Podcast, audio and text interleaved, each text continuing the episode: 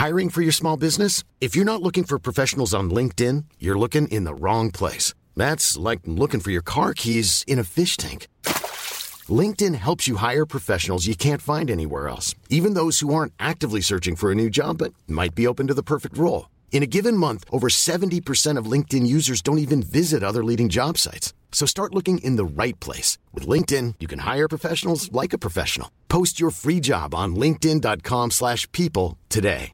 Jewelry isn't a gift you give just once. It's a way to remind your loved one of a beautiful moment every time they see it. Blue Nile can help you find the gift that says how you feel and says it beautifully with expert guidance and a wide assortment of jewelry of the highest quality at the best price. Go to BlueNile.com and experience the convenience of shopping Blue Nile, the original online jeweler since 1999. That's BlueNile.com to find the perfect jewelry gift for any occasion. BlueNile.com.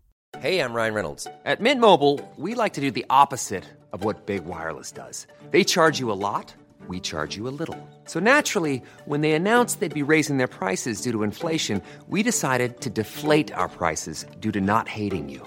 That's right. We're cutting the price of Mint Unlimited from $30 a month to just $15 a month. Give it a try at mintmobile.com slash switch. $45 upfront for three months plus taxes and fees. Promo for new customers for limited time. Unlimited more than 40 gigabytes per month. Slows. Full terms at mintmobile.com. Du lyssnar på Ridsportpodden. En ny podcast från tidningen Ridsport. I den här podden träffar vi ryttarna som du vill lära känna på djupet. Värd för programmet är hästsportsjournalisten Andrea Berlin. I oktoberavsnittet av podden har jag träffat en ung, välkänd hoppryttare som satsar stenhårt på sin ryttarkarriär. Jag har åkt hem till Alexander Zetterman i skånska Linderöd för att prata bland annat om vad han tänker kring hästägande, press och motivation. Men även hur hästlivet har sett ut i USA när han har varit där om vintrarna.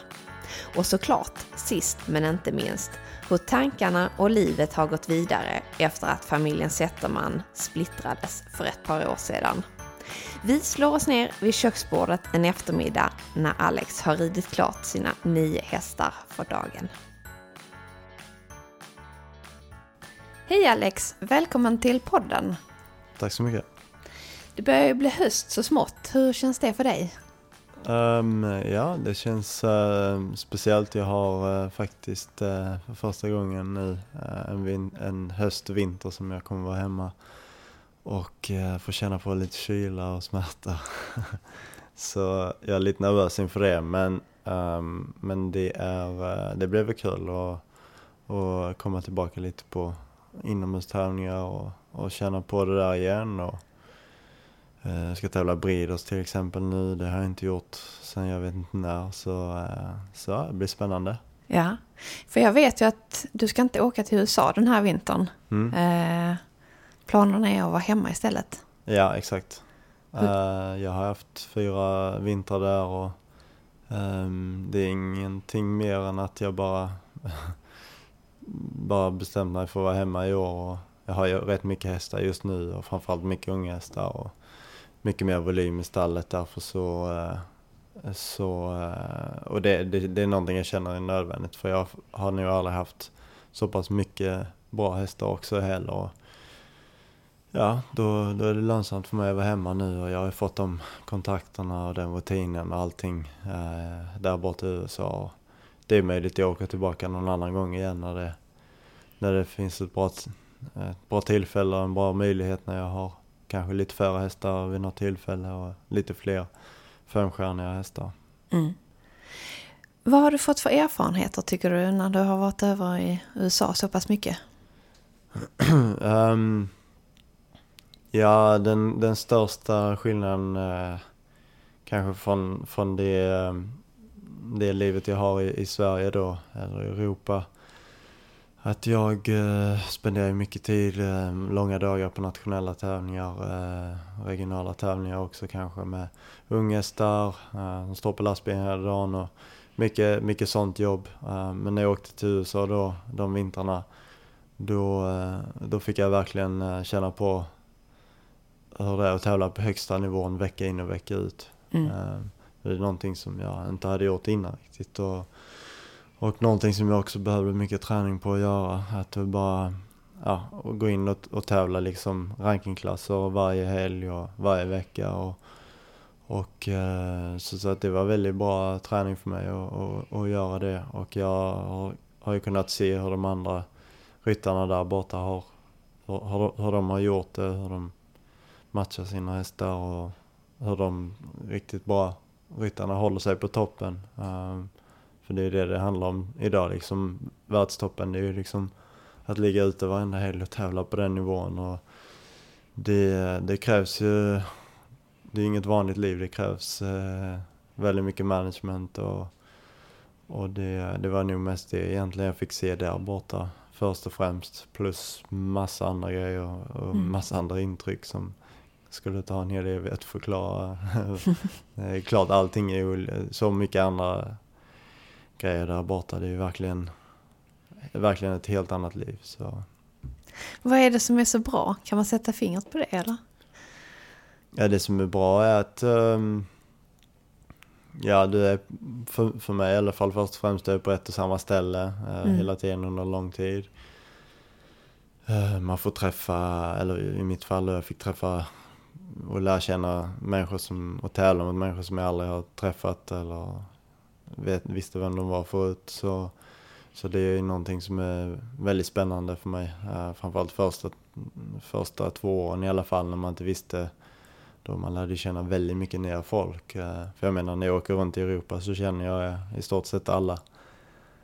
Eh, Men inte i USA och det, det var ju någonting som var väldigt kul och väldigt nyttigt såklart eh, i, ur affärsaspekten och det. Och sen eh, så är det väl, alltså just det att du kan åka dit som, som jag gjorde första året till exempel. Jag kanske inte var sådär jättehögt rankad men att ja, man, man betalar sin anmälningsavgift och visst den är dyr men jag vet att jag får tävla vare sig är det tvåstjärnigt eller femstjärnigt så vet jag att om jag anmäler mig så får jag vara med och det är Mm. inte alltid fallet i, i Europa utan det är, ska till att man ska böna och be arrangörerna och alla eh, förbund och det för att man ska få, få rida då om man inte är jättehög på rankingen. Mm. Vilket är väldigt svårt eh, när man du vet, har en bra häst och sen säljer och så kommer du tillbaka igen. Det är, man dalar mycket, pendlar mycket mellan eh, ja, höga och låga placeringar. Så eh, det har varit väldigt bra för mig för att någonstans ändå kunna bygga en grund ehm, eh, inför sommarhalvåret då. För då har jag oftast haft en helt okej ranking och haft bra resultat med mig från den tiden jag varit där och, och då fått en, en, en bra plats i, i laget eh, tack vare det. Eh, och fått åka fortsatt då i Europa på de, åka på de bättre tävlingarna. Men hur lever man där jämfört med hemma? Om man tänker på, på livet på tävlingsplatsen och hur du har det där? Ja, det är också någonting som är väldigt skönt för jag menar när man är i Europa och man tävlar på den nivån då är man ju inte nog med att man som vi sa har 48 timmar mellan eh, en tävling till en annan så, så ska man eh, dessutom resa kanske 16 timmar av de 48 Ja. timmarna då eh, hem från en tävling och sen så kanske ytterligare några timmar till igen iväg nästa helg. Eh, så det är väl det som är det sköna att eh, Mm. på, när jag ridit Grand Prix på söndag eftermiddag så rider jag hem hästen på 20 minuter till stallet, ställer in den och sen så har man, går man ut på kvällen, har middag och sen, ja, sen är man tillbaka till måndagen igen. Och, Ja. Så man har i alla fall lite mer ett, eh, även om det inte är något normalt liv är det ju verkligen inte, men att man har i alla fall, eh, jag menar man har ändå lite så att man kan, ja man kan spela golf eller tennis eller någonting på Ja. måndag och man kan göra lite sådana grejer som man kanske inte hade gjort hemma. Så, så på det sättet är det väldigt härligt. Mm. Men vad har du haft för team med dig över då? Vad jag haft för team? Ja, det är väl det, kanske inte hela teamet som jag har här hemma, men det är min mamma som har varit med och sen är det, har jag haft två hästskötare med mig. Mm. Har det pågått mycket hästhandel och sådär när du har varit ute och tävlat? Har det varit så att du har åkt hem med färre hästar än vad du åkte dit med? Ja, absolut. Det har jag gjort. Och, ehm, jag har sålt eh, ett par bra hästar där borta. Och, och även sålt hästar tack vare att jag har varit där borta då. Mm. Eh, på sommarhalvåret. Och det att någon som jag träffade där i vintras kommer och köper hästar. Eller att man följer upp med någonting efteråt också. Mm. Så att, eh, det har absolut eh, gett bra eh, business och det också. Det- Är de svenska hästarna attraktiva eh, på den Mm. amerikanska marknaden? Ja, det tycker jag. att Det har ju varit många bra svenska hästar sålda över dit. Och jag tycker att Sverige är ändå någonting som är, känns lite exotiskt för amerikanerna. Alltså Ja. vi har ju märkt att eh, amerikanerna tycker om kanske att köpa hästar, eh, inte där borta som många tror att Åh, vi åker över dit och så säljer vi massa hästar till dem. Utan ofta så har ju de eh, vad ska man säga, agenter och spioner eller vad man ska kalla det för här borta i, i Europa eh, under sommarhalvåret. Sen så testar de oftast hästar här framåt oktober, november, december. Köper upp det de ska borta i Europa. Helst någonting som ingen har hört talats om eller Mm. någonstans ute i skogen. Och så vill de gärna komma tillbaka till USA, till Florida då och stolt presentera någonting fantastiskt som ingen har hört talats om. Och det, det tror jag de får en kick av och därför är ju svenska marknaden väldigt attraktiv just på det sättet att ja, man åker ut i skogen någonstans i Sverige och hittar en, en, en riktigt fin häst och så kommer man tillbaka Ta till Florida. Linderö då. Ja, precis. Så att fak- faktum är att det man måste inte åka till Wellington för att sälja Nej. hästar till USA. Däremot har det såklart lett till att jag har kunnat på ett helt annat sätt komma närmare dem, träffa dem mer på en vardaglig basis och verkligen lärt känna dem. För de, de är inte så lätta att komma nära in på heller. Och många av Nej. de här tränarna det är väldigt svåra att komma nära in på. Så att det sättet är det väldigt bra att vara där inne och, och, och stå på framåkning med dem varje dag. Och gå banan med de här människorna varje dag i så många månader. Mm. För till sist lär man ju känna alla väldigt väl. eh, även om alla har fullt upp där. Men det blir ju ändå en konversation här, en konversation där och sen rätt som det är så leder det till någonting. Vad är det för typer av hästar de vill ha då? De vill ha, första året när jag kom dit så tror jag nog att jag miss eh, bedömde helt och hållet vad det var de ville ha. I, I min värld så tänkte jag, ja de vill ha Okej, det är klart det det är skillnad på vad, vad toppryttarna vill ha, vad den, eh, vad den eh, gemene eh, liksom amatören eller junioren Mm. vill ha där borta. Mm. Och i, min värld så tänkte jag, ja, de vill, de vill ha någonting, eh, någon liten lättriden häst som går på tygen, lite som vi eh, i Sverige också vill ha Mm. juniorerna. Någon liten nätt häst som liksom vänder på en, på en femöring och liksom går på tygen och liksom bara ser väldigt fin ut. Och, det är klart det finns några som tycker om det där borta också givetvis. Men jag måste säga att jag är förvånad över hur, hur de ändå eh, i slutändan, om du kollar på de klasserna, att de... Eh, nu har de ju så mycket kategorier och det, men om du bara tittar på typ amatör och juniorklasserna till exempel då.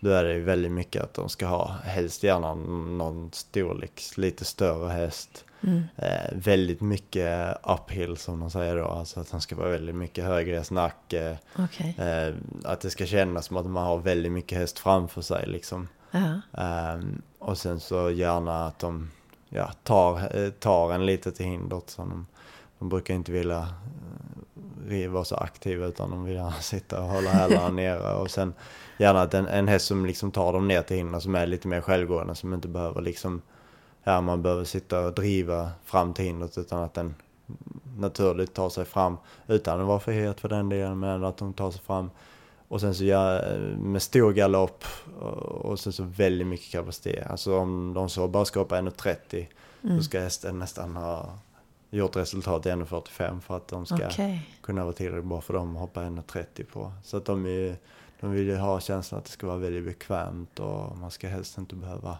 rida för bakbommen sådär. Okej. ja, det låter ju som de har ganska mycket krav i alla fall. Ja, det, det är bara en del av det. Ja. Sen har vi inte kommit in på färgen eller Nej, nej. svansen och den biten. nej. Hur, le, hur letar du häst eh, själv? Kikar du också när du är ute liksom, utomlands eller hur går det till? Ehm, hur letar jag häst? Det, det, men det är väl olika från gång till gång om jag ska inte säga att jag så här aktivt hela tiden letar efter hästar men det kommer ju, med åren kommer det alltid mycket erbjudanden. Många som hör av sig och många som kommer upp och visar hästar och sånt där i Sverige då. Det är mm. framförallt en av anledningarna varför jag tycker det är väldigt bra att vara i Sverige. För att jag tycker att ofta så får jag hela tiden folk som ringer och hör av sig och kommer upp med hästar och vill ge mig hästar och rida och det. Många av de hästarna har visat sig vara de hästarna som jag har haft väldigt mycket framgång med. Och, mm. eh, eh så det, det är en det är väl oftast så det blir och oftast de bästa hästarna jag har haft har ju varit hästar som faktiskt bara, bara kommit till mig av en slump. Ingenting som jag har varit okay. ute och jagat och letat efter. Mm. Hur lång tid tar det för dig innan du liksom kan konstatera att det här är en häst för mig? Liksom när du kommer upp och provrider till exempel. Ja, det är det som är lite luriga. För att som jag sa innan, många hästar kommer till mig lite grann och så säger de, ja, en hästägare kanske säger, men du vet, jag vill att du ska rida den. Och sen så i början så kanske man har en känsla att eh, ja men det här var en trevlig häst. Mm. Och sen tränar man och jäklar vilken bra häst det var. Liksom att de, de verkligen tar sig av träningen. Och sen så har du vissa hästar som känns väldigt bra när du testar dem i början. Och man säger ja men jag vill verkligen behålla och fortsätta. Och sen så jobbar man på ett tag och sen så visar det sig att nej, de, de pallar inte riktigt uh, trycket om man säger så. Mm. Uh, så därför så är det så svårt med hästar, man vet aldrig. Och, och därför är det extra, extra svårt när man ska gå ut och prova i en häst för att köpa. Ja. Uh, för man får ju max två gånger på sig att provrida en häst och men du vill ta de två gångerna på dig? Ja, när det handlar om mycket pengar så, mm. så absolut gör det. Även, även nu senaste tiden, även om det handlar om små pengar. Mm. I slutändan kostar det ju lika mycket att, att fodra en häst. Ja, om visst. den är bra eller om den är dålig, kostar lika mycket. Så att, så att jag, jag tycker det är jätteviktigt. Man ska ändå spendera så mycket timmar i sadeln med dem med det. Så att ja, man ska försöka vara så säker man kan och så påläst som möjligt. Och, och så. Men det är aldrig lätt och eh, i dagsläget tycker jag att jag fortfarande är långt ifrån eh, tillräckligt vis för att kunna välja ut en häst. Okej, okay. det är svårt tycker du? Ja, jag tycker det är jättesvårt. Alltså, ja. jag, jag, skulle nog säga att jag verkligen är nybörjare i det området faktiskt. Ja. Eh, så det är någonting som jag verkligen måste utveckla mig själv i. Ja. Men är det några kriterier sådär som du liksom kan stå ut med eller sådär när du provar en häst som inte behöver ja, hundra. Det är det som är det svåra. Oftast så Oftast, ibland har det blivit att jag har verkligen bitit mig själv i foten för man har sagt så här, okej okay, man kan inte få allting och så säger man, okej okay, den, den kanske inte är så ridbar i dagsläget och sen så tänker man, men den, den blir nog bra, annars känns det som att den har allting annat men den är inte så ridbar än. Mm. Och så jobbar man på och sen så visar det sig som, som jag sa innan att de eh, kanske inte sådär anpassningsbara eller vill kanske inte riktigt ändra på sitt sätt att vara. Och då, då sitter man ju fast lite grann med en, en talangfull häst men som aldrig kommer lära sig att spänna av riktigt när det är inne på banan eller lära sig att... Hur lång ja. tid vill du liksom låta den få för att liksom känna efter om det är en häst som passar dig? Ja, mindre och mindre med åren. Alltså, I början kunde man vara så här, man ger den ett halvår till och så här. Ja. Men eh, ja, det är tyvärr så att det kostar mycket pengar att ha dem. Och man måste verkligen sålla för det kommer ju ändå trots allt mycket hästar in ändå som det gör ju. Och då har jag ju också möjligheten att bara kunna ja, vara lite extra hård och säga tyvärr men och många gånger känner man i magen så här att det känns tufft att säga att nej, jag ska inte fortsätta med den. Mm.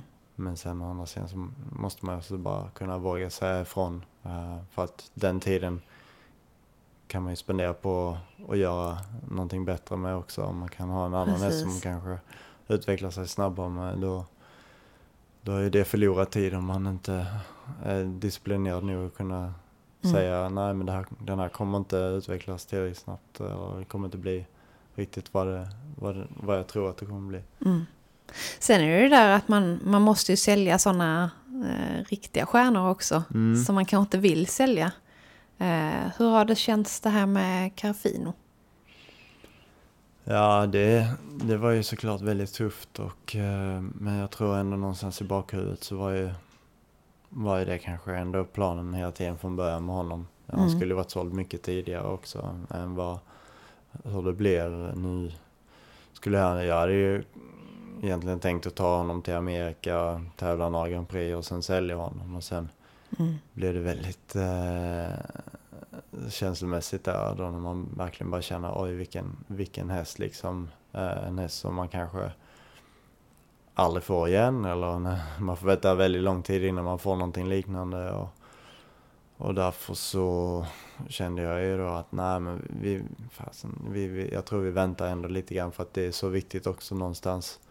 I slutändan är det ändå det man vill göra och det är också viktigt att under tiden också verkligen ha lite meriter i bagaget till det. För jag menar det har ju verkligen gett ringar på vatten även om Ja. jag nu sålde honom. Men åtminstone nu har, har jag ju, eh, ja, folk fått upp kanske lite an, annan respekt för, för, eh, för mig tack vare att ja, jag har kunnat åstadkomma en, en hel del med den hästen. Mm. Eh, Så, att, så att jag tycker faktiskt att eh, hela den historien var rätt så optimal för att jag fick ändå behålla honom tillräckligt länge för att kunna göra VM och vara med på allt Mm. det.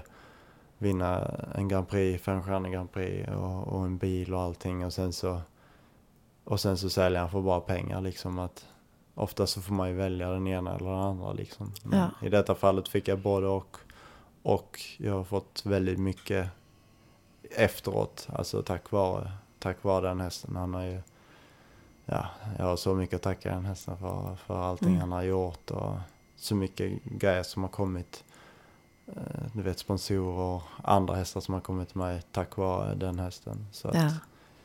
Så det är absolut, det är någonting som var väldigt nödvändigt Ja. eh, såklart. Men eh, klart man sitter och tänker ah, om jag hade fortsatt hur det hade gått och sådär. Men, Ja. men, Har du någon ersättare nu på gång eller hur, hur ser det ut på det? Ja, jag tycker jag har ett par väldigt fina hästar på gång. Som jag sa, väldigt mycket fina unghästar. Eh, Jag har inte sådär jättemycket för att uttala mig om att den hästen ska bli det Nej. eller den hästen ska gå det. Men att eh, jag tycker den här Martina jag har, den här sjuåringen som vann i Falsterbo, det är, det är verkligen en häst som, som jag verkligen, verkligen hoppas på. Eh, Mm. Som kan bli den ny, nya, om man nu får säga nya. För att det finns egentligen bara en Ja. Caffeine och en av varje liksom. Tror du det kommer bli svårt att ta sig till toppen, tillbaka till den där eh, kaffeinotiden liksom? Eh, Ja, det, jag tror det är väldigt svårt för att eh, sporten går väldigt snabbt framåt och Mm. eh, ehm, det där toppskiktet är väldigt tufft att slå sig in i. Eh, och ehm, det enda sättet egentligen för att ta sig in det är ju att, som det har varit tidigare, att man har nu lyckligtvis är Sverige en väldigt stark nation och vi har Mm. alltid ett lag med i toppdivisionen vilket gör att ja, man får en ingång där om man då lyckas få en häst. Eh, eller så får man åka till USA som jag gjorde innan då för att kunna ta sig in. Men det, just att ta det där steget in är väldigt tufft. Och, eh, så det, det, ehm, och det är mycket kostnader som ska ut innan dess också. Mycket utbildningskostnader och sånt där. Och, Ja, eh. Mm, Det är, man får inte mycket, man får räkna med att man får inte sådär jättemycket prispengar eller så här under den tiden. Så att eh, det blir tuffare och tuffare och sen precis när de, är, när de börjar gå bra då, det är då buden börjar ramla in ju. Mm. Och eh, då gäller det att ha så pass organiserat under sig att man kan ändå fortsätta så att man kommer in i toppen och kan vara kvar ett tag, vinna lite pengar och vara kvar där så länge som möjligt och sen när man väl är där då är det ju betydligt lättare för att då får du ut dina andra hästar på de tävlingarna och sen så lär de sig att bli femstjärniga Grand Prix-hästar och så har du kanske helt plötsligt tre hästar som går femstjärniga Grand Prix eller kan hoppa på den, på den nivån. Mm. Och då är du helt plötsligt där och då är du där ett väldigt bra tag och kan stanna. Så, men, men vägen dit är väldigt, väldigt tuff. Så, men det är... Hur många av hästarna äger du själv? ehm, ja, bra fråga. Ehm, De är för många helt enkelt. Ja. Nej men de flesta har jag i alla fall en del i. Mm. Eh, eller vi, spring, alltså familjeföretaget. Och några i mitt företag, mitt egna. Mm. Mm, så att vi har väl en del i de flesta hästarna. Mm. Några, några ägs helt av andra ägare. Men Vad är egentligen för och nackdelar med att äga hästarna, tycker du? om, om man har en väldigt, om man har en väldigt, väldigt bra hästägare så är det Mm. väldigt kul faktiskt att, att ha en häst ihop med en annan ägare. För att det blir lite grann som att dela glädjen när det går bra. Ja. Det ger faktiskt väldigt mycket energi. Eh, jag känner ju alltid ett ansvar mot ägarna väldigt, väldigt mycket. Och eh, det kan faktiskt trigga ännu mer att man verkligen vill eh, prestera. För att man vill ju göra dem glada, man vill göra dem stolta. Mm. Man vill ju att de ska känna att, för det är oftast får man tjata väldigt mycket på dem för att de ska du vet, satsa på en och, och, Mm. och tro på en. Och, och eh, det är klart att när, när man verkligen vill du vet, göra dem stolta och känna att ja, de gjorde rätt och låta mig fortsätta med hästen eller Ja. låta mig få rida hästen. Så, att, så det, det är någonting som triggar väldigt mycket. Men eh, har man en jobbig hästägare eller en otacksam hästägare då, då tar du bara snarare bort energin och då är det ingen kul. Och kunde Nej. man nästan, eh, då, är- då är det roligt att äga dem själv. Men, Ja. men det är såklart optimala är ju att ha någon som, som verkligen står bakom och, och kanske till och med kan stå emot, dem, stå emot de, de stora If you thought the only way to get a more defined jawline with natural looking results was through surgery, think again. Juvederm Volux XC is a non surgical injectable gel filler that improves moderate to severe loss of jawline definition and can help you achieve natural looking results with little downtime. Even better, this improved definition lasts up to one year with optimal treatment. No maintenance required. Improve jawline definition for a smooth, sculpted look with Juvederm Volux XC. For important safety information and to find a licensed specialist, visit juvederm.com. That's J U V E D E R M.com. Not for people with severe allergic reactions, allergies to lidocaine, or the proteins used in Juvederm. Common side effects include injection site redness, swelling, pain, tenderness, firmness, lumps, bumps, bruising, discoloration, or itching. There's a risk of unintentional injection into a blood vessel, which can cause vision abnormalities, blindness, stroke, temporary scabs, or scarring. Talk to a licensed specialist to find out if it's right for you. Hey there, it's Michelle Norris. I'm host of a podcast called Your Mama's Kitchen. When I travel, I'm usually looking for a way to find a taste of home when I'm not at home. And one of the things I love to do when I am at home is entertain. And Airbnb allows me to do that. When I was in California recently, I rented a house that had a great kitchen. And when we were sitting around the table, we were all thinking, we're in someone else's house. Someone could be in all of our homes as well. If you have a home, but you're not always at home, you have an Airbnb. Your home might be worth more than you think. Find out how much at airbnb.com/slash host. There's never been a faster or easier way to start your weight loss journey than with PlushCare. PlushCare accepts most insurance plans and gives you online access to board-certified physicians who can prescribe FDA-approved weight loss medications like Wigovi and Zepbound for those who qualify. Take charge of your health and speak with a board-certified physician about a weight loss plan that's right for you. Get started today at plushcare.com slash weight loss. That's plushcare.com slash weight loss. plushcare.com slash weight loss. Even when we're on a budget, we still deserve nice things. Quince is a place to scoop up stunning high-end goods for 50 to 80% less than similar brands. They have buttery soft cashmere sweaters starting at $50, luxurious Italian leather bags, and so much more. Plus, Quince only works with factories that use safe, ethical, and responsible manufacturing. Get the high-end goods you'll love without the high price tag with Quince. Go to quince.com slash style for free shipping and 365-day returns. Mom deserves the best, and there's no better place to shop for Mother's Day than Whole Foods Market. They're your destination for unbeatable savings, from premium gifts to show-stopping flowers and irresistible desserts. Start by saving 33% with Prime on all body care and candles. Then get a 15-stem bunch of tulips for just $9.99 each with Prime. Round out Mom's menu with festive rosé, irresistible berry chantilly cake, and more special treats. Come celebrate Mother's Day at Whole Foods Market. Den också såklart. Eh, och det, det är någonting som är väldigt svårt för mig i alla fall. Eh, om jag nu skulle ha en, en häst som jag ägde själv som blev väldigt framgångsrik att kunna stå emot väldigt stora bud för att det ska ju betalas varenda månad fakturor och det. Ja, det är klart. När man sitter själv med kostnaderna så vet man ju och då är det frestande att sälja och det Ja. är egentligen inte det man vill. Nej. Men hur stor press har du tycker du när du inte äger hästen själv? Ehm, det beror på helt och hållet hur mycket press hästägarna sätter. Vissa Mm. hästägare och sen, ja, men de, de verkligen, de flesta jag, jag har haft har ju verkligen varit så här väldigt positiva och, och ger mycket energi och sånt och då, ja, då är det bara väldigt, väldigt kul. Så Mm. att, eh, eh, men det är klart det finns ändå, oavsett hur mycket de än säger att ja, men, vi tror på dig eller jag litar Mm. på dig. Så klart att någonstans så känner man ändå lite grann så här att, ja, du vet. Oftast om de kommer till tävlingen eller har rest speciellt för att komma och titta och sånt där. Klart man känner att ah, nu måste jag lägga in en riktig växel här. Ja.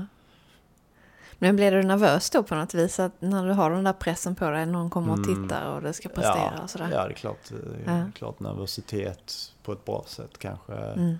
Om, det, om det är som sagt en positiv energi. Om det är, man känner att det är någon som har varit väldigt gnällig och väldigt så här. Ja, nu måste vi sälja hästen och så här. Och så står Mm. de där med armarna i kors och tittar. Och Ja, då kan det snarare faktiskt förstöra. Ja. Hur, hur brukar ett avtal se ut när du, när du tecknar någonting med en hästägare? Ehm, ja, jag tror det är väldigt viktigt att, att skriva och jag har fått mycket hjälp med Jonna Vannis då eh, och han har hjälpt mig lite grann att bara formulera det. Och eh, för, för det, det har ju visat sig att det, det blir hur bra vänner man än är i början så, så klart att det blir, när det kommer till pengar så kan det alltid lätt bli bråk. Ja. Och därför så är det väldigt viktigt att man försöker stapla upp alla de viktiga parametrarna från början. Hur allting ska fördelas och sånt där vid försäljning och hela den biten. Att man är Ja. väldigt tydlig med det i början och tar upp alla de jobbiga frågorna i början. Mm. Eh, så att man inte, ah, det är jobbigt att prata om och så flyttar man fram det och sen Nej, det. blir det ju bara ett ännu större monster sen. Kanske en vacker dag när, när frågan verkligen måste tas upp på, på riktigt. Mm.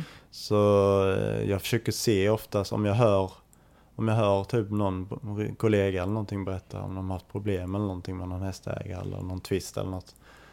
Eh, och det är någon, någonting, något problem som man tänker, "Ah, det här har jag aldrig tänkt på förut att det skulle hända, det scenariot att om den ene vill si och den andra vill så, och vad händer då? Hur, då brukar jag ofta skriva ner det direkt, anteckna Ja. det. Och sen så, när jag kommer hem då så lägger jag in den på något sätt och så, eller så frågar jag om råd. Ja, hur lägger man in det i ett avtal och så. Så försöker jag lägga in så mycket punkter som möjligt faktiskt. Alltså Ja. verkligen även det minsta, även om det så handlar om eh, hur många band de ska få när de kommer på Falsterbo Horse Show ungefär. Det är så Eh, alltså. att man Ganska detaljerat. Ja, verkligen. För Ja. det är desto mycket man kan lägga in alla små saker. För det kan bli bråk över, du vet, att deras eh, mormors mormor inte kom in och så blir de sura på det. Och så, så kan det sätta, alltså, alltså, jag tror den, det är väldigt viktigt att man eh, verkligen gör klart att eh, alla de små, små grejerna. Det Så egentligen är krävs så li- lite för att man ska bli ovänner oftast. Ja. Så det är egentligen lika avancerat eller lika jobbigt att skriva ett sånt avtal som att skriva ett köpeavtal. Ja, verkligen. Det är ännu jobbigare. Ja. Köpeavtal är ju Det är kanske någon- lite mer rakt på sak. Ja, och det, det finns ju nästan mallar till det liksom. Och Mm. det ska vara oftast. Är klart de är lite individuella från fall till fall. Men, men, men eh, kö- hästägaravtal är ju, är ju också väldigt, väldigt individuellt anpassat från, från eh, ägare till ägare. Och, och sånt. För man har ju oftast olika, man äger olika hästen eller man har Typ som någon häst har vi kostnaderna för den men vi äger inte den och lite sånt där. Och sådana Mm. grejer kan bli väldigt komplicerade. Men jag tror att om man bara är väldigt tydlig i avtal så, så, eh, så kan man faktiskt uh, göra det väldigt smidigt. Mm. Du har någon häst kvar eh, tillsammans med Roine, vet jag. Eh, Mm. Magic Park. Mm. Hur är er familjerelation nu? För man fick ju se en, en liten bit på tv för några år sedan. Eh, Mm. Och hur ser det ut idag? Ja, det, det har väl hänt en del sedan dess. Eh, upp och ner, upp och ner. Men eh, eh, vi har väl... man kan säga så här, jag, jag har förstått att... jag har lärt mig att folk är vad de är och ofta så vill man att, att eh, framförallt en förälder ska vara på ett visst sätt eller så. Men det är någonting jag har fått acceptera att, att alla inte är lika och, och eh, vi har ju fått jobba lite grann, eller jag har fått, har fått jobba med mig själv för att kunna, kunna acceptera och ha en relation med honom då. Mm. Um, och därför så, eh, så ja, Eh, så har det börjat med att jag har haft denna hästen då och eh, det är väl egentligen eh, ett litet steg i, i rätt riktning i alla fall kanske. Och, Mm. ja, det, är någon, det är någonting som ja, kanske åtminstone jag kanske kan ha släppt lite grann på, på anspänningen i, i vår relation. Mm. Men saknar du ett lite tajtare familjeliv eller? Du, Ja, du har ett, ett eget liv nu tycker du som... Klart som man, eh, man hade önskat det. Vi har ju varit en väldigt tajt fa- familj eh, Mm. sen man växte upp. Och jag tror att hade, hade vår fa- fa- familj splittrats lite på det sättet när, eh, när jag var mycket yngre så hade det klart inte varit bra heller. Men att eh, det, då förstår man inte riktigt lika mycket heller. Men just i, i detta skedet, eh, klart att det är svårt att acceptera för att man någonstans har växt upp med Alltså man har ändå formats väldigt mycket på grund utav den familjen som vi har och som vi har. Och, just vårt namn i sporten och det. Och, Mm. och har man ju varit formad liksom hela sin uppväxt och en bra bit upp i vuxenlivet också. Mm. Och sen eh, att det någonstans försvann lite grann.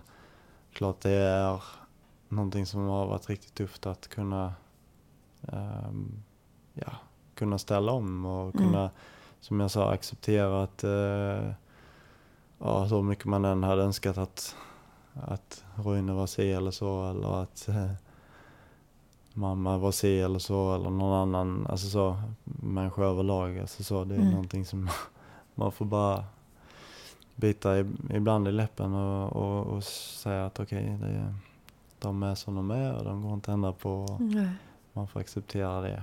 Eh, det är väl, jag har fått jobba med mig själv med det. eh, Mm. För att annars så tror jag att, eh, att, att det hade varit svårt kanske att fortsätta även om jag gick en väldigt lång tid och absolut inte hade någon kontakt. Och, och, eh, klart jag mådde riktigt dåligt under väldigt lång tid men, men också perioder när jag absolut inte kände någonting heller. När jag var helt apatisk och inte brydde mig. Och bara ryckte på axlarna oavsett vad liksom. Jag Mm. inte ens brydde mig om att ha en relation eller, Mm. eller inte ens satte värde på det i alla fall. Eh, så det har varit väldigt svängigt har det varit. Ja. Hur stor betydelse har mamma i din satsning? Eh, ja men hon, hon är ju den som har varit kanske närmast hela tiden och varit Ja. ja, alltid på, framförallt på ponny, mycket på tävlingar och jag gjorde alla resor och sånt. Jag gick ju ut gymnasiet, eller jag gick aldrig gymnasiet så efter nian så mm, tog jag och åkte ut direkt och började tävla internationellt hela tiden, vecka in och vecka ut. Så jag kom Ja. rakt in i det. Och, och eh, hon har ju varit där som en, eh, som en trygghet någonstans mitt i allt detta. Och, och eh, ja, så, så det är klart att hon har varit extremt viktig och eh, alltid jag menar när man är så ung och det, man, man är inne i en sån här sport som, där det är så mycket som står på spel och pengar och press. eh, att kunna ha någon som vid sin sida som ändå kan kunna ta de lite tuffare besluten, de här magkänslobesluten och sånt Mm. där i, när det kom, ja som en sån sak till McAfee och sånt, sådana grejer när det, när det krävdes lite magkänsla och lite, lite styrka och bara kunna säga okej nu, nu kör vi på detta eller nu gör vi det. Ja. Det är någonting som jag tror att eh, jag hade aldrig kunnat vara där jag var idag om det inte hade varit för henne. För att jag hade kunnat gått väldigt fel också om jag hade bara varit, om jag bara hade fått helt plötsligt över natt Mm. göra allting själv. Jag hade fått göra väldigt många misstag och förlorat väldigt mycket pengar eller eh, mycket annat kanske Mm. under tiden. Så att jag tror att jag har haft en enorm nytta att haft henne och det är många som tycker, ah, varför, varför jobbar du med, med din mamma liksom, du är 26 år gammal och så här. Det både. Men att eh, det har verkligen, eh, det jag tror det har, varit, har behövts och jag tror eh, klart att hon- hon kommer ju kunna få mer och mer distans ändå men hon kommer nog ändå alltid att vara där i bakgrunden. Eh, och det, är- det är liksom många, faktiskt om man tittar i slutändan på alla de, många av de väldigt duktiga ryttarna så har de ju, om inte en förälder, men i alla fall en person någonstans som är en slags ja, trygghet eller en, någon slags skyddsnät lite grann. När man Mm. själv är sönderbränd eller inte kan tänka klart eller något. Jag tror att man behöver en annan person i alla fall. Om det är en fru eller om det är en mamma eller om det är Mm. En annan väldigt god vän. Alltså, som, som hela tiden någonstans kan ja, hjälpa. För det är en extremt tuff sport att kunna Mm. ja, hålla menta mentala styrkan år in och år ut. Ja. Har du något speciellt knep som du tar till när du, när du börjar tvivla på, på tävlingar eller på ridningen eller någonting i din satsning? ja, knep. ehm, knepet är väl eh, att klart man går väldigt vilse under många perioder och eh, egentligen det enda sättet är väl att man resonerar med sig själv. Man, jag är väldigt mycket så att jag kan går runt och grubblar mycket för mig själv och tänker såklart. Och, eh, men till sist så blir det ju, ja, man tar sig i kragen liksom och sen Mm.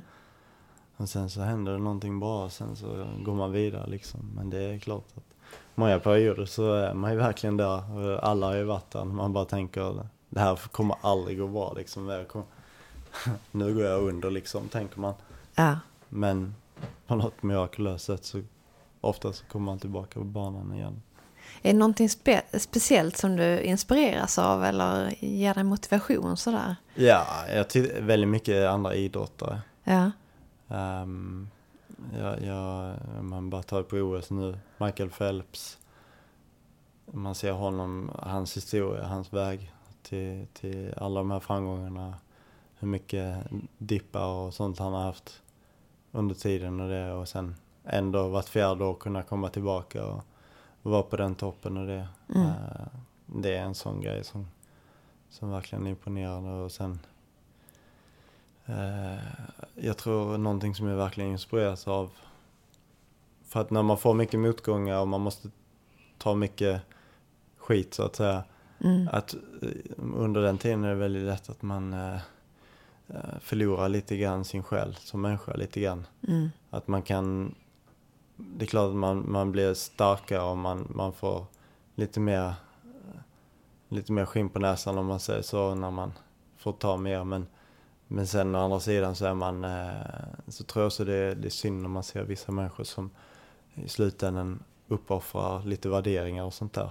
För Ja. att kunna ta sig till toppen. Att man börjar tappa lite grann eh, man, man är beredd att gå över lik lite grann och man, man liksom har inte empati eller så här. Men sånt tycker jag är väldigt tråkigt att se. Jag tycker i slutändan att man måste ändå få lov att vara människa, man måste få lov att vara nere, man måste få lov att kunna ja, vara besviken eller inte alltid vara så stark. Och sen kunna, kunna komma tillbaka, att man inte bara tänker att ah, jag ska, du vet, alltså att, ja, man, som sagt, jag tror, jag, tror, jag tror det är väldigt viktigt att man inte bara tappar sin själ lite grann. Ja. Att man vågar också vara svag emellanåt. Har Daniel och du någon liksom, relation idag där ni hjälper varandra i ridningen eller ni är bara bröder numera eller hur ser det ut? Um, ja, vi är bröder eh, kan man säga och eh, ingen arbetsmässig relation så Nej. har vi inte. Men det är klart vi har gjort några små grejer hit och dit så. Mm. Men ingenting till vardags. Nej. Men är det så att ni stöttar varandra i sådana här tankar och sånt eller det ni Mm. lever så pass isär nu? Ja, i vissa, vissa grejer. Mm. Men vissa grejer är vi kanske lite dåliga på att kommunicera och prata om hur vi egentligen mår. Jag tror att det är många gånger som, som jag sa, i detta livet så går, går man förbi och man, även om man mår dåligt så pratar man inte med folk om det för att man vill inte vara en belastning heller. Man kan gå Nej. runt och vissa perioder som man har varit väldigt deprimerad och väldigt nere och sånt där. Och, men man vill inte prata om det sen för man vill inte att man vill inte vara en belastning till någon annan och då, då ibland är inte det bra heller. Man måste också få lov att säga liksom att ja, fan, vi måste snacka liksom och så här. Mm. Så att det, ibland kanske vi är lite dåliga på att utnyttja det faktumet. Men, eh, men emellanåt så absolut så, så, så träffas vi och framförallt mycket när vi varit i USA. Det, Mm.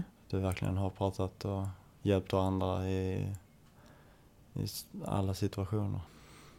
Vilka drömmar har du idag? Eh, har du några egna tankar på vem du vill bli när du blir ännu äldre? Ja, nu, eh, nu är jag ju... eh, Nu känner jag ju fortfarande att jag är på, på den resans gång att jag fortfarande vill, mm, du vet, eh, satsa eh, på min karriär och göra den så framgångsrik som möjligt och, och klart man vill uppleva och fortsätta resa och tävla världen över och, Mm. och se verkligen hur långt, hur långt jag kan gå. Mm. Eh, Men sen är det klart att eh, i slutändan så finns det ett annat liv och jag, jag har såklart drömmar om om att ha en familj och, och liksom eh, att kunna någonstans ge tillbaka i slutändan, slutet av dagen, att kunna jobba med ungdomar eller vad som helst och sånt. Så Mm. att, eh, eh, det, tror jag är jätteviktigt också att man man inte bara snöar in sig i att man själv ska vara störst, bäst och sånt. Det kan bli väldigt egocentriskt lätt. När man Ja. och det måste man ju vara. Man ska vara väldigt framgångsrik. Men eh, man har ett par år på sig när man, är, när man är i min ålder där, där man får lov att vara det. Men jag tror faktiskt när man blir äldre så, så är det viktigt att kunna eh, stanna upp och liksom säga men okej nu är det faktiskt min tur att ge någonting tillbaka. Det är klart man kan göra det under tiden också. Men jag tänker de lite större projekt och sådana grejer är någonting som man kanske vill verkligen spendera mycket tid på när man är äldre sen. Att göra lite andra sådana grejer som, där man faktiskt verkligen går ut och, och gör en skillnad i samhället. Mm. Är det bra att drömma tycker du? Eller tar det bort för mycket fokus från nuet? Ehm, ja, det här med att drömma eller att ha målsättningar det är mm, svårt att skilja på ibland. Ja. Men att ehm, klart man, man måste ju man måste få tänka stort och brett. Uh, någonting man måste påminna sig om när man blir äldre. Att när man är äldre så är man ju ändå bara ett vuxet barn. Alltså så man, någonstans så måste man ju ändå få lov att ha sina visioner, sina drömmar kvar. Och låta dem leva vidare och låta fantasin flöda och inte... Jag menar man blir väldigt fyrkantig i allting. Man tänker på hela varan, vårt samhälle idag. Det är bara fyrkantigt, fyrkantiga eh, enheter vi använder, mobiler datorer. Ja, ja. Eh, bilar, allting är fyrkantigt in och ut genom dörrar och hus och det är flygplan och sånt. Så att allting är väldigt fyrkantigt för oss. Så att, eh, man blir väldigt instängd och så här, ah, men det går och det går inte. Så, här. så att, absolut, man måste få lov att tänka, tänka fritt. Eh, men som du sa, tänka på nuet är också viktigt för många gånger så har man ju bara tänkt på framtiden. Ah, jag ska göra det och jag vill, Mm. jag vill det och sånt. Men många gånger så kanske man lever i en dröm som man faktiskt, någonting, eller man kanske lever i den drömmen man faktiskt drömde om för några år För sedan. lite tag sedan. Ja. Många, många gånger så tänker man så här, "Ah, för fem år sedan var det en dröm att få göra detta som jag gör idag. Eh, eller få ha denna hästen som jag har idag, eller få åka på den här tävlingen som jag är idag. Mm. Eh, så att eh, stanna upp och verkligen känna efter att jag, jag, är, jag har faktiskt lyckats rätt bra ändå. Mm. Tänka till liksom. Mm. Mm. Om du skulle ge dina bästa tips till, till de som lyssnar. Eh, vad har hjälpt dig mest i karriären? Eh, vilka har varit dina måsten så att säga för att lyckas? Um, alltså att prioritera ridning och hästarna är liksom, det är kanske det som, om det är någonting som alltid har suttit liksom i benmärgen från dag ett så har det alltid varit så här, den här eh, respekten, den här disciplinen mot hästarna, att hela tiden, ja, morgon, då är det liksom ridning och det är ta hand om hästarna och liksom Ja. så här, det, det är någonting som, som görs dagligt och det är väl det, är väl det, det är ett måste för mig såklart och sen Sen har jag ju andra saker som jag också som har behållit. Och Sen, för det är ju så, under åren så tullar man lite grann på vissa discipliner och sånt där. Men det är viktigt att när man tar typ karriärs, alltså beslut i livet och sånt där. Att man eh, som sagt verkligen försöker tänka efter vem är jag och vad vill jag? Inte vara min mamma eller vara min pappa eller vara min mormor eller Nej. någon har för bild av mig. Alltså, Åh, det här ska du göra. Eller, det ser man ju framförallt i ridsporten. Många som nu får barn och sånt där. Det föds mycket barn och det. Och, eh, med ryttarpar och sånt. Och det är liksom, de ska upp och rida på en häst innan de ens liksom Ja. kan gå. Och det, det är väldigt så här, det är jättefint och sånt. Men jag känner ju också väldigt många som har växt upp och liksom föräldrarna bara, ja, men du, mina barn de ska rida och de ska rida liksom till varje pris och den här hetsen och det. Ja. Och, och jag tycker det är lite synd att se för jag tycker att man, man måste man måste verkligen så vara ärlig mot sig själv och, man, och även så som förälder att vara ärlig. Och, och, och verkligen hitta sin natur för att om man gör någonting som känns naturligt och sånt enkelt då kommer man alltid ha kul. Och har man alltid kul och sånt då kommer man alltid vara sysselsatt och engagerad och då kommer man bidra då kommer man alltid må bra, man kommer alltså själv, men man kommer också kunna bidra så mycket som möjligt till övriga samhället om du gör någonting som du tycker är kul och det kommer sprida glädje och i slutändan så kommer du oftast klara dig finansiellt också för att om du älskar att göra någonting så kommer du jobba hårt för det och då kommer du Mm. oftast, om du gör ett bra jobb så kommer du oftast alltid betala för sig. Eh, Så det skulle jag vilja säga att verkligen ja, tänk efter vem du är. Är du, är du jättenervös varenda gång du ska tävla och liksom du bara gör det för att det är din förälder.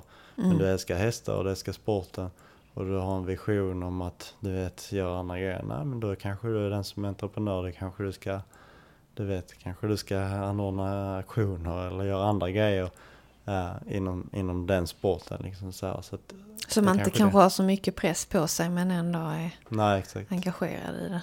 Det, det är nog en sak som jag skulle vilja ge till unga, liksom att verkligen våga välja rätt väg. Mm. För att det är så mycket folk som bara, ja men du ska vara sån eller "Åh, jag har alltid drömt. Oftast är det ju någon förälder eller någonting som har haft en dröm om att själva vara hoppryttare eller någonting och sen så ska Ja. deras barn då vara det. Men det behöver inte vara så. Man är jätteviktigt att lyssna på sin inre röst och verkligen hitta den. eh, Och våga stå upp för det. Ja. Om vi inte tänker så eh, långt framåt, vad, vad händer i höst för dig? Eh, I höst är det ju mycket nationellt, nationella tävlingar. Jag försöker komma iväg lite internationellt också framåt november. Och, eh, Men du blir kvar här i Sverige helt enkelt? Ja, sen är det ju eh, de, de här tävlingarna i, i Spanien då i Oliva. Ja. I januari, februari, mars där. Som jag har planerat att åka till lite grann. Men det blir... Jag har inte hela planen klar för mig men det kommer ju såklart vara skillnad från de andra åren nu. Att jag kommer vara hemma mycket mer och frysa mycket mer. Får vänja dig vid kylan helt enkelt. Ja. Ja. Jag tackar så jättemycket Alex för att vi har fått den här pratstunden tillsammans. Mm, tack ska du Eh, och kunna gå in lite på djupet på vissa ämnen som man kanske inte riktigt berör alltid inom Nej. ridsporten. Nej, exakt. Tack så jättemycket. Ja, tack du ha.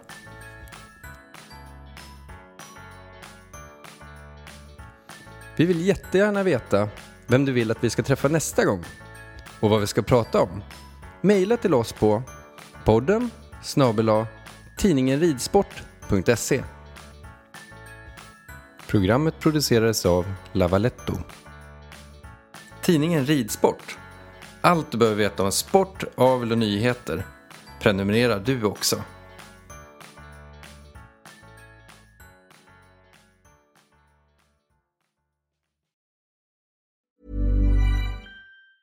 Planning for your next trip? Elevate your travel style with Quince. Quince has all the jet setting essentials you'll want for your next getaway, like European linen, premium luggage options, buttery soft Italian leather bags, and so much more. And is all priced at 50 to 80% less than similar brands. Plus, Quince only works with factories that use safe and ethical manufacturing practices. Pack your bags with high-quality essentials you'll be wearing for vacations to come with Quince. Go to quince.com slash pack for free shipping and 365-day returns. Planning for your next trip? Elevate your travel style with Quince. Quince has all the jet-setting essentials you'll want for your next getaway, like European linen, premium luggage options, buttery soft Italian leather bags, and so much more. And is all priced at 50 to 80% less than similar brands. Plus, Quince only works with factories that use safe and ethical manufacturing practices. Pack your bags with high-quality essentials you'll be wearing for vacations to come with Quince. Go to quince.com slash pack for free shipping and 365-day returns. Mom deserves the best, and there's no better place to shop for Mother's Day than Whole Foods Market. They're your destination for unbeatable savings, from premium gifts to show-stopping flowers and irresistible desserts. Start by saving 33% with Prime on all body care and candles. Then get a 15-stem bunch of tulips for just $9.99 each with Prime. Round out Mom's menu with festive rosé, irresistible berry chantilly cake, and more special treats. Come celebrate Mother's Day at Whole Foods Market.